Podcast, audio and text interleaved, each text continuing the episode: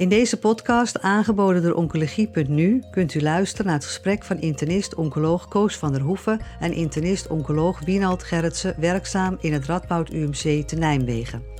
Aan bod komen NM-CRPC en de behandeling hiervan en de studies bij eurogenitale tumoren gepresenteerd op het Presidential Symposium. Deze studies werden gepresenteerd tijdens het ESMO 2019-congres in Barcelona. Professor Wienald Gerritsen, welkom hier uh, in de studio naar de ESMO. Het is allemaal nog vers van de pers, want er zijn net bij de presidential sessie een aantal belangrijke onderwerpen aan de orde gekomen. Die gaan we dadelijk bespreken, maar ik wil nog kort aan het begin iets bespreken over het uh, castratierefractaire niet gemetastaseerde prostaatcarcinoom. Want dat is een eenheid waar we steeds vaker over horen spreken. Ja. Kan je uitleggen wat we daar precies onder moeten verstaan? Nou, daar bedoelen we vooral mee die groep van de patiënten die eigenlijk een stijgend PSA hebben, dan al snel worden behandeld. Ook met, uh, dus eigenlijk al op het getal al worden behandeld met antihormonale therapie. En dan vervolgens worden ze resistent en hebben ze nog niet echt metastase ontwikkeld. Dat is in de praktijk een vrij kleine groep, uh, groep patiënten. Maar daar is zeker ook door de drive vanuit Amerika worden daar wel studies in gedaan. En men wil eigenlijk, uh, het is ongeveer vergelijkbaar wat er uh, gedaan is in het verleden, ook met bicalutamide. Dat je toch medicijnen hebt die weinig bijwerking geeft. En dat je dan in ieder geval de patiënt gerust kunt stellen dat die PSA lekker laag blijft. Het gaat dus om een, patiëntencategorie die alleen nog maar een lokale behandeling hebben gehad of misschien wel een wetentie gehad hebben. Die vervolgens dan toch eh, castratierefractaire zijn geworden. Ja. En dan, dan nog geen metastase hebben en wat je er dan mee moet doen. Ja. Want, het is geschat dat het ongeveer 1% is van de hele populatie. Dus dat is een kleine populatie. Ja, ja en de Spartan-studie, dat is een studie die al eerder uitgevoerd is met apalutamide. Ja die heeft wel laten zien dat er een, een flinke winst is in metastasevrije overleving. Ja. Uh, ja, de enige toevoeging die er hier gegeven is, is dat er mogelijk ook een verbetering in overall survival was. Ja. Maar die data die moeten denk ik nog een keer heel goed geanalyseerd worden voordat het beleid daarover in Nederland wordt aangepast. Is dat correct? Of? Ja, de, de, urologen hebben zich daar al wel over gebogen. Hè? Wat, wat, eh, is dat nou echt practice changing? En, en die zijn eigenlijk tot de conclusie gekomen dat het zo'n kleine groep patiënten is dat het waarschijnlijk niet echt een verandering van het beleid zal geven bij de meeste urologen. Want dat is toch de groep, eh, groep specialisten die deze patiënten behandelen. Oké, want het gevaar is als het, als het op het punt van metastase vrije overleving is, dat er ook nieuwe eh, diagnostische technieken gebruikt gaan worden om dat snel aan te tonen. Precies. Ja. Dat, dan, uh, komt de PSOA, uh, eh, zeg maar diagnostiek, komt dan om de hoek kijken. Ja, ja en, en wat, ga je, wat ga je daarmee doen? Ja. Dat, uh, dat zullen we de komende jaren zullen we dat weten. Okay. Um, twee studies vanmiddag, net ja. uh, ge gehoord, de Profound en de CARD-studie. Die gaan allemaal over het gemetastaseerde prostaatcarcinoom. Voorbehandelde groep. De Profound-studie, zullen we het daar eerst over ja, hebben? Om welke categorie patiënten ging dat? Dat ging om de, om de uh, patiënten, eigenlijk de, uh, drie belangrijke groepen patiënten. Daar werd vooral de nadruk op gelegd die BRCA2 gemuteerd zijn, patiënten die ATM gemuteerd zijn en een hele kleine groep die ook BRCA1-mutaties hebben gehad.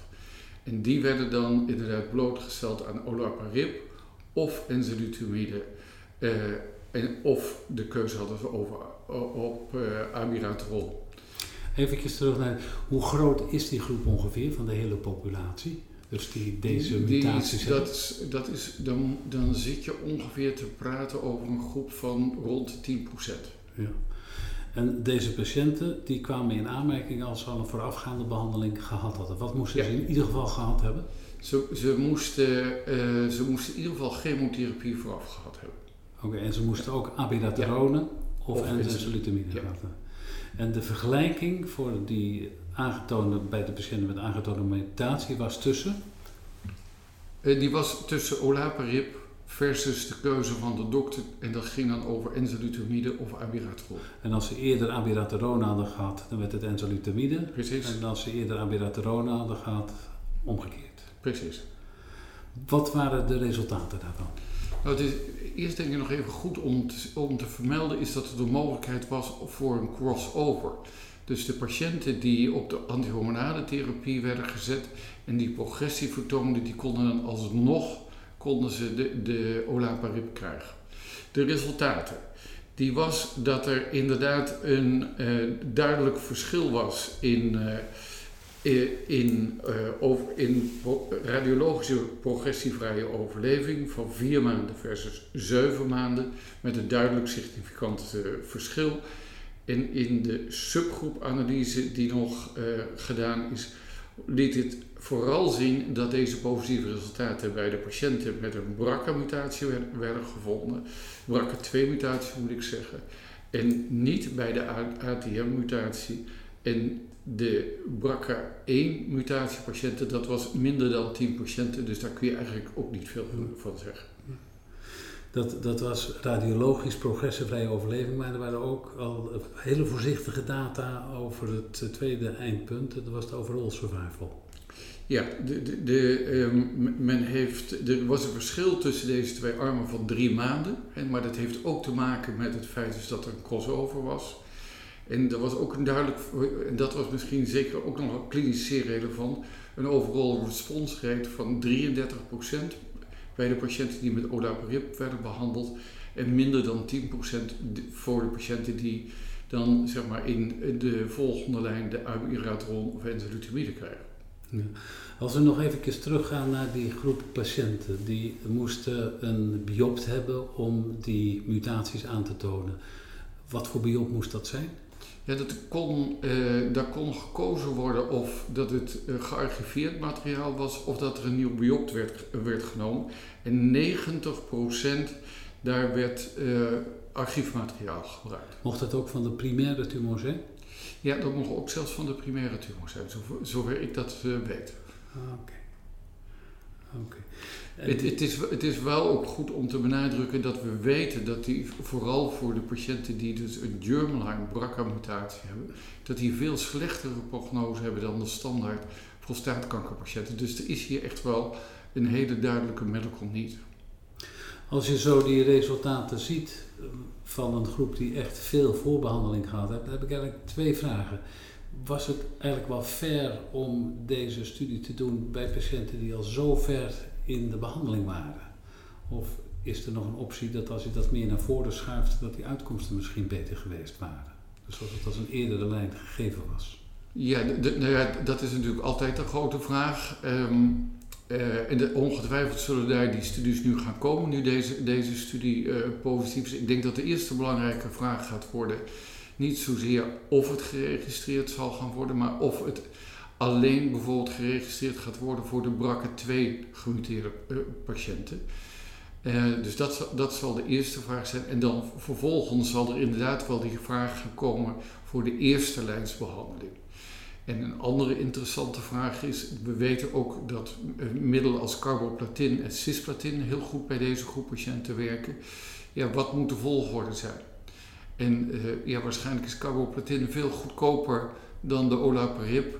En moet je niet, nou ja, dat kun je onder andere gaan uitzoeken of inderdaad het niet verstandiger en goedkoper is om eerst met carboplatin te gaan ja. beginnen. Ja, ook vanuit patiëntenperspectief. Ja. Ja. ja. De patiënten die de olaparib moesten gebruiken, hoe hebben die dat verdragen? Die hebben het over het algemeen allemaal goed verdragen.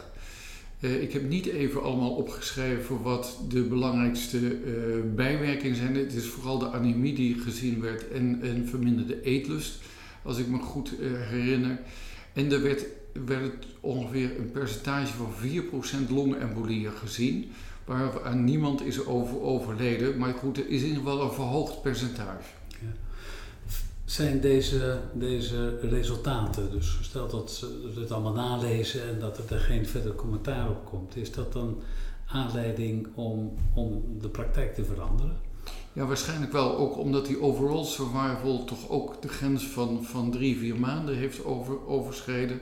Dus wat dat betreft, en ook de hazard ratio voldoet aan alle criteria. Dus ik verwacht wel dat dit echt een verandering zal geven. En dat zal ook een belangrijke verandering geven dat we nu alle patiënten moeten gaan testen dan op brakken mutaties. En wanneer moeten we dat dan doen? Juist, precies. Ja. En dat, uh, dat zal een uh, levendige discussie worden, verwacht Ja. En, en wat, wat is jouw advies daarin? Of als jouw advies gevraagd zou worden? Nou, ik, ik denk dat het belangrijkste is, is dat we dit uh, regionaal... We, we, hebben natuurlijk wat geleerd van de ovariumcarcinomen.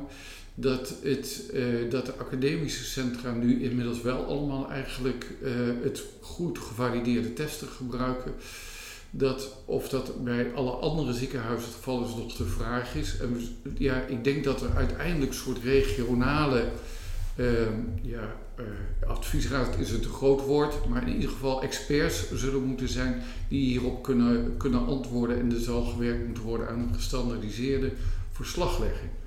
Zodat iedereen dat in de spreekkamer ook goed kan zien. Want de behandeling op zich hoeft niet per se in een academisch centrum te worden. Nee. Ja, maar het is belangrijk dat er een biopt genomen wordt. Hier is veel archiefmateriaal gebruikt. Maar het is niet uitgesloten. Is het uitgesloten dat daar nog, nog nader commentaar op komt? Dus dat, dat je van een metastase een, een, een biopt moet hebben? Nee, dat, ik, ik, denk dat dat bijna niet te doen is. Um, er zijn wel wat. Um, zeg maar, er is hier op dit congres veel over liquid biopsies ook gepresenteerd.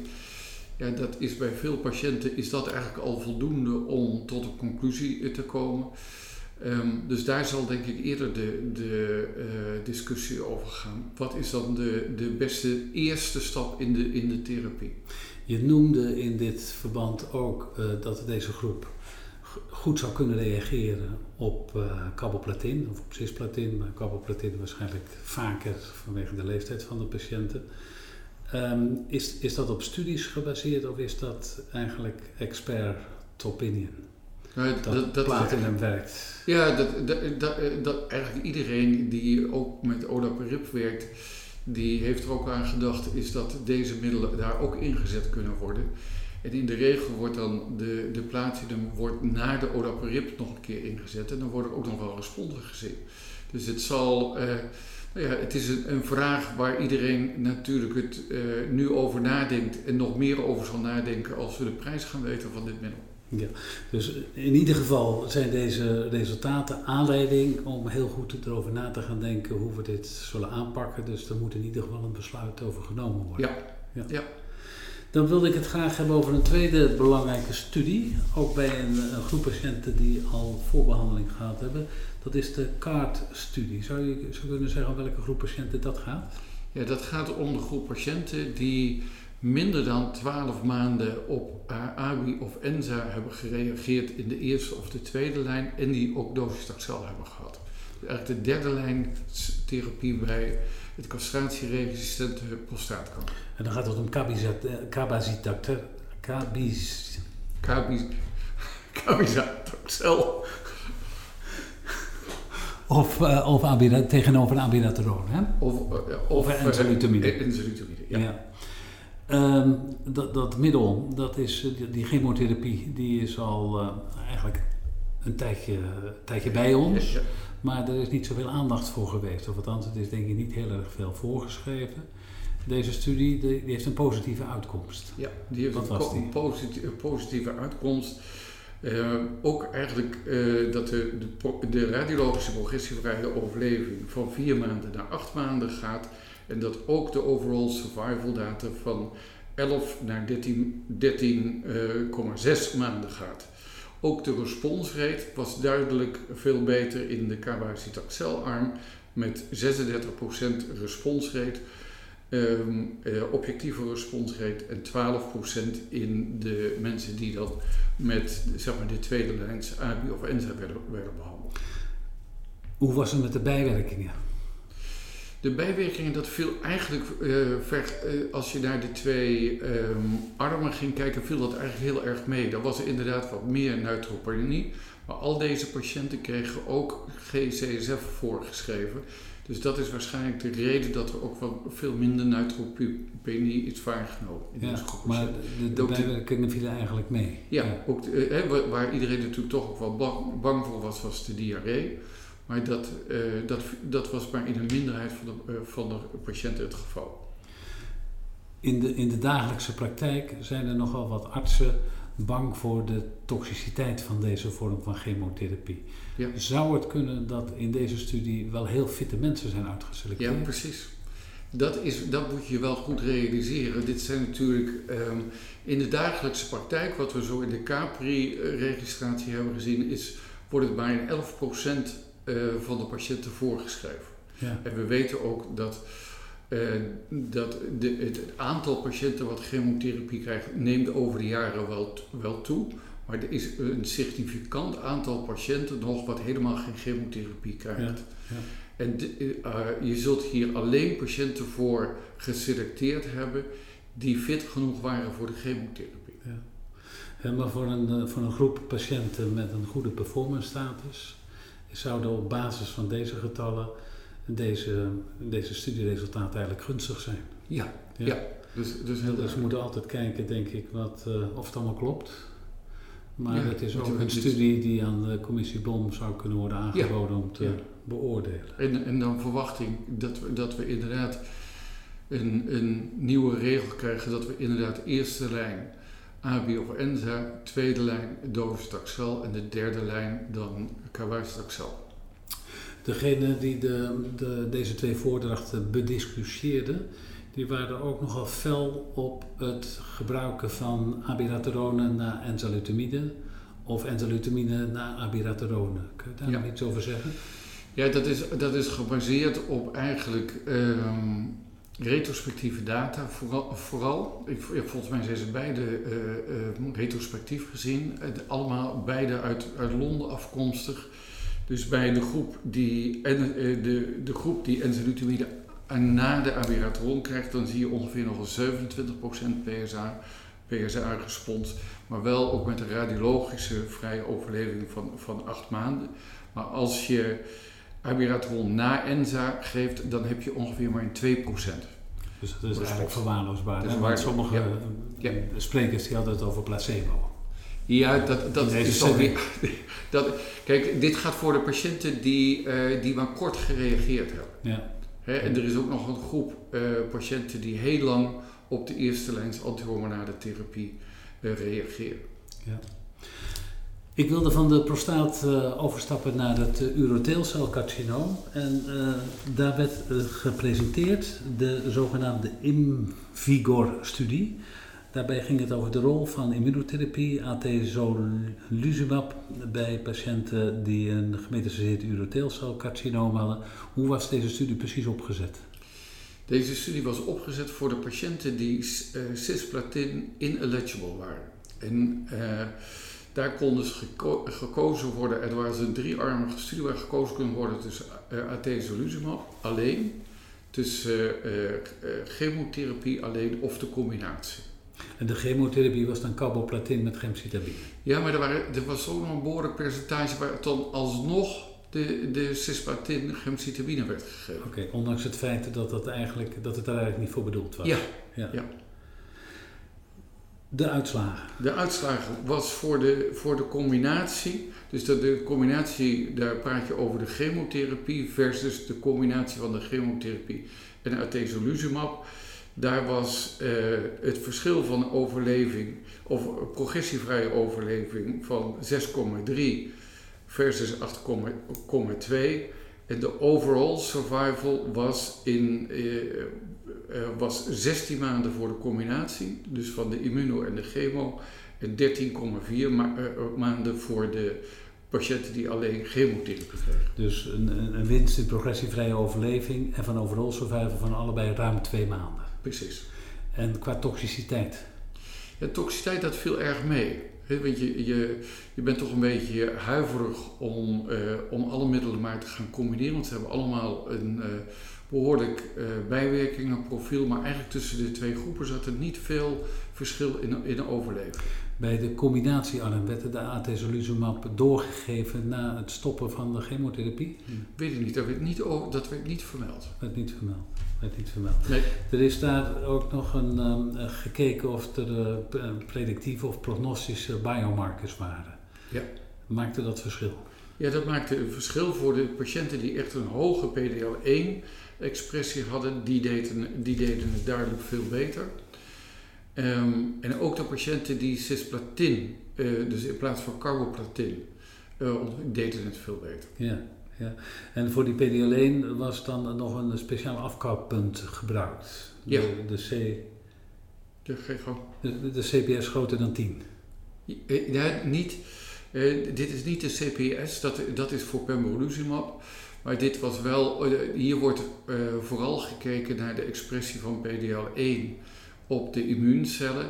En bij 2 en 3, dan zit je inderdaad, is dat het, ik, boven de 10% moet het dan zitten. En 3 is dan boven de 50%. Dit is allemaal vers van de pers, ja. maar hoe, hoe, hoe, hoe, komt dit over?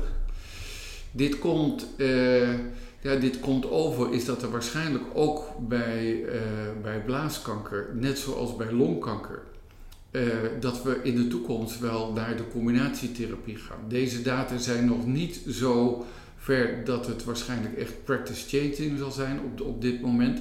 Maar ik denk wel dat we ons op moeten gaan voorbereiden. Dat we in, in de toekomst ook de trippeltherapie gaan geven bij blaascarcinoom. Oké, maar op basis van de data zoals die er nu zijn, is enige voorzichtigheid nog op zijn plaats. En die moeten nog wat rijper zijn voordat we daar een oordeel over kunnen geven.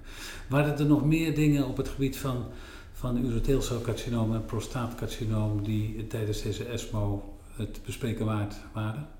Nou, er was vooral veel aandacht natuurlijk ook voor de, um, voor de moleculaire diagnostiek, uh, zowel bij blaaskanker als bij prostaatkanker.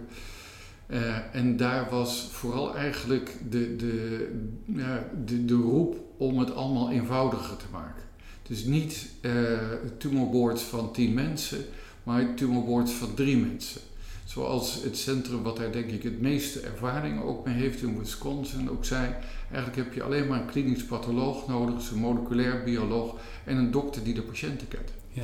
En dan kun je eigenlijk al, uh, en als je dan maar zorgt. Maar dat is de tumorboard voor de mensen die erbij betrokken zijn. Ja. Maar wat ook practice changing zal zijn, als je van al deze mensen uitgebreide moleculaire diagnostiek gaat doen. Want Precies. de UMC's doen dat wel. En sommige andere ziekenhuizen ook. Maar heb je een idee in hoeveel procent van de patiënten dit gedaan wordt in Nederland? Nee, ik, ik nou, ik schat 10 procent. Dus dus want je uh, zeker zeg maar, de gemiddelde leeftijd van een blaaskankerpatiënt met metastase is 73 jaar. De gemiddelde leeftijd van een uh, prostaatcarcinoompatiënt die castratieresistent is, ligt boven de 70 ook. Ja. Dus dat zijn, dat zijn niet de patiënten die allemaal uh, hollend naar het uh, Universitair Medisch Centrum komen. Nee, dus je moet eigenlijk ook die patiënten van tevoren wel goed bekijken of je met elkaar dat de moeite waard vindt om dat traject in te gaan. Ja, nou, we, we hadden gisteravond op de, de ESMO in Oranje bijeenkomst, werd dat nog uh, uh, door de collega's uit, uh, uit de andere ziekenhuizen, werd dat ook nog benadrukt. Van laten we nou niet allemaal als een dolle gaan, gaan sequencen, alleen als het ook therapeutische consequentie heeft. Anders gaan we vooral heel veel patiënten teleurstellen. Ja. Oké, okay. maar goed, voor de, wat we nu besproken hebben voor de patiënten met de castratie refractair gemetastaseerd prostaatcarcinoom met een aardige performance status, heeft dat soms zin omdat het ja. nieuwe therapeutische opties biedt. Ja, zeker. Dankjewel. Oké, okay, graag gedaan. Bent u geïnteresseerd in meer podcasts? Deze zijn te vinden op de website oncologie.nu.